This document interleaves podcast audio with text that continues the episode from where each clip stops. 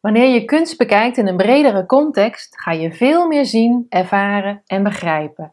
In de podcast van Kunst en Context deel ik inspirerende verhalen en achtergronden en geef ik kijktips die jou anders naar kunst laten kijken en jou en de wereld om je heen in een heel nieuw perspectief plaatsen. Luister en bekijk de afleveringen thuis of onderweg en reis mee door de wereld van de kunst. In deze aflevering Sprezzatura en de vernieuwingen in de Italiaanse schilderkunst in de tweede helft van de 19e eeuw.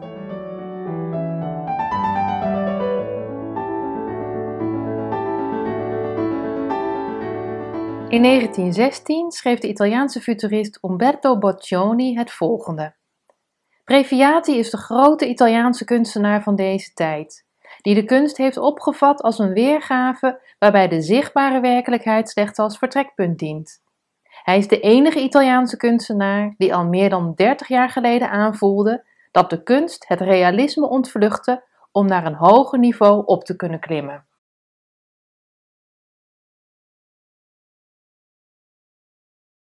In de aanloop naar de Eerste Wereldoorlog rekenden de futuristen radicaal af met de kunst van het verleden zoals door Filippo Tommaso Marinetti verwoord in het eerste futuristisch manifest uit 1909. Juist vanuit Italië slingeren wij ons uiterst gewelddadige en opruiende manifest de wereld in het gezicht. Wij zijn het futurisme aan het stichten, omdat we ons land willen bevrijden van een stinkende steenpuist van professoren, archeologen, toeristengidsen en antiquairs. Een jaar later verschijnt het Technisch Manifest, waarin gesteld wordt dat alle versleten onderwerpen moeten worden vervangen om de wervelwind van het moderne leven uit te drukken. Een leven vol staal, koortsige energie, trots en snelheid. Het schilderij Moederschap van Gaetano Previati werd 25 jaar eerder voor het eerst aan het publiek getoond, op de eerste Brera Triennale in Milaan in 1891. Op deze tentoonstelling was een overzicht te zien van de belangrijkste Italiaanse kunst van dat moment. Van historisch schilderkunst, genrestukken, figuurstukken en landschappen tot zeer actuele en geëngageerde thema's. Het werk van Previati viel nogal op, niet alleen vanwege het enorme formaat, maar ook vanwege de stijl en symboliek. Van verschillende kanten kreeg de kunstenaar felle kritiek te verduren, waartegen hij zich jarenlang heeft moeten verweren. Het commentaar ging vooral over het gebrek aan tekening en contouren. We zien een ogenschijnlijk eenvoudige compositie van een moeder met kind aan de borst, omringd door knielende engelen die buigen voor het goddelijk mysterie. De symboliek van leven en liefde wordt herhaald in de granaatappelboom achter haar. Rondom de engelen bloeien anemonen en lelies, symbolen voor de annunciatie en de geboorte van Christus. Breviati combineert deze symbolische verbeelding van het religieuze onderwerp met een divisionistische werkwijze.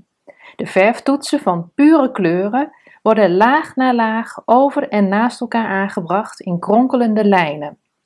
De beweging van de lijnen en klodders verf volgen de patronen van de figuren en de bloemen. Alleen de huidkleurige lichaamsdelen zijn gladder geschilderd. De kunstenaar schildert niet wat hij ziet, maar wat hij voelt. Previatisch schilderij is een hymne aan het gevoel. Het is geen atmosferische poëzie, geen kleurenfestijn. Aldus kunstcriticus Alfredo Melani. Wars van welke vorm van officiële scholing dan ook, heeft de schilder geschilderd wat hij voelde, hij heeft gekeken om te voelen, hij heeft niet gekeken om te zien.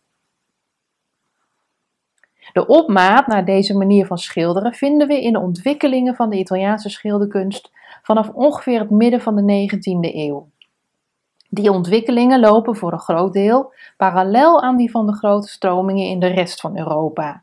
Van romantiek via realisme en naturalisme naar impressionisme, divisionisme en symbolisme. Maar ook de nationale Italiaanse politiek heeft een grote impact gehad op het zoeken naar nieuwe vormen en onderwerpen. Na een jarenlange strijd werd in 1861 met het uitroepen van het Koninkrijk Italië onder Victor Emmanuel II van Savoie de gedroomde eenwording van het land gerealiseerd. Het zogenaamde risorgimento, oftewel letterlijk herreizenis. Gedurende die revolutionaire jaren leefde er binnen de traditionele kunstwereld in Italië de overtuiging en een verlangen dat uit de strijd en de oorlogen niet alleen een politieke nationale eenheid voort zou komen, maar ook een eenduidig Italiaanse kunst. Zoals ons vaderland één is, zal ook de Italiaanse kunst één zijn. Dit werd het belangrijkste uitgangspunt voor de eerste nationale kunsttentoonstellingen die vanaf 1861 werden gehouden. De belangrijkste vernieuwingen in de schilderkunst ontstonden vooral buiten de officiële kunstacademies. Kunstenaars die zelf ook op de barricades hadden meegevochten en een optimistisch geloof in de vooruitgang en de empirische wetenschap deelden. Ze gingen gezamenlijk experimenteren met nieuwe technieken. In Café Michelangelo te Florence zochten ze elkaar op. Een van hun voormannen, Telemaco Signorini, beschreef hoe zij allemaal schilderijen maakten van legerkampen en bivakken, van schermutselingen en veldslagen. Ze namen de oorlog als onderwerp, maar zonder een heroïsche, pathetische of didactische lading.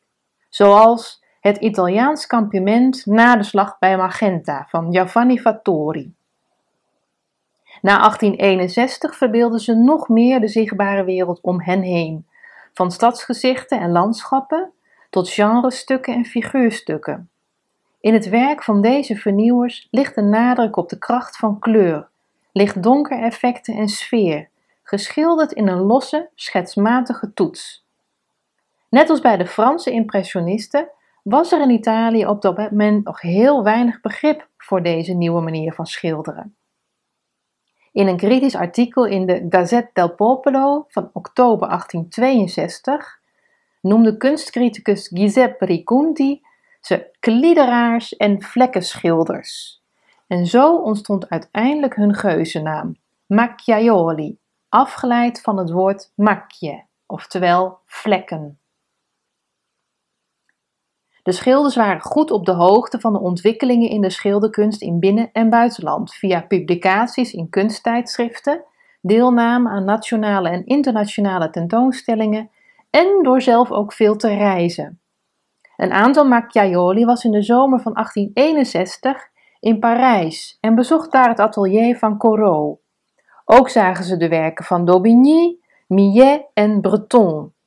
Ze hadden veel bewondering voor de plechtige sfeer in de bescheiden taferelen uit het boerenleven. Gezamenlijk trokken de Macchioli er ook op uit om en plein air te schilderen, in Piacentina, het Toscaanse platteland, en aan de kust van Ligurië. Om het sterke chiaroscuro, oftewel clair obscuur, goed te kunnen observeren, maakten ze gebruik van een zogenaamde Claude-spiegel. Deze draagbare spiegel is enigszins gebold en heeft een zwarte ondergrond. En wanneer je het landschap in de spiegel bekijkt, zie je een breed panorama van grote lijnen waaruit de meeste details en kleuren zijn verdwenen. En zo worden de tonen van het chiaroscuro nog beter zichtbaar. Revolutionair was ook het werk van een groepje kunstenaars rondom de schilder Tranquillo Cremona in Milaan. Deze vooruitstrevende kunstenaars en intellectuelen werden in 1862 door de schrijver Siato Aringhi aangeduid met de term scapigliatura, en dat betekent letterlijk de gehavenden. Hij omschreef ze als hun tijd ver vooruit, onrustig, gekweld, en de personificatie van de gekte buiten het gekkenhuis, reservoir van wanorde, van zorgeloosheid, van de geest van verzet en van weerstand tegen de heersende orde. Hun werk is nog losser en vrijer geschilderd, zonder contouren, maar met lange penseelstreken en met sprezzatura. Een prachtig Italiaans woord dat al in de 16e eeuw gebruikt werd door Baldassar Castiglione in zijn Boek van de Hoveling. Het omschrijft een virtuoze manier van werken die heel moeiteloos lijkt met een soort bestudeerde nonchalance.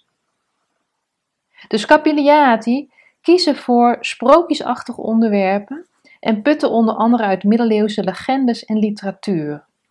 Hun divisionistische aanpak gebaseerd op wetenschappelijke kleurentheorieën en optische effecten, leent zich heel goed om niet alleen de zichtbare werkelijkheid te verbeelden, maar ook het onzichtbare, magische en symbolische, zoals in het werk van Previati.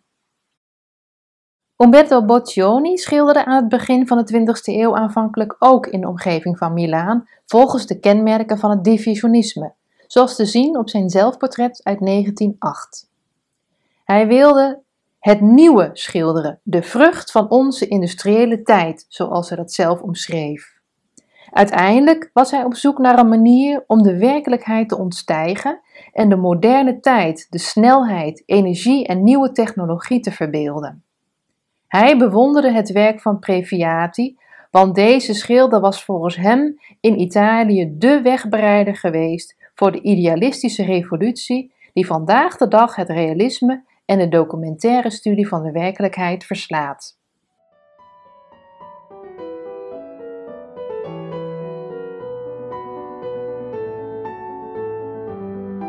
Wil je deze en andere Italiaanse schilderijen uit de tweede helft van de 19e eeuw zelf gaan bekijken?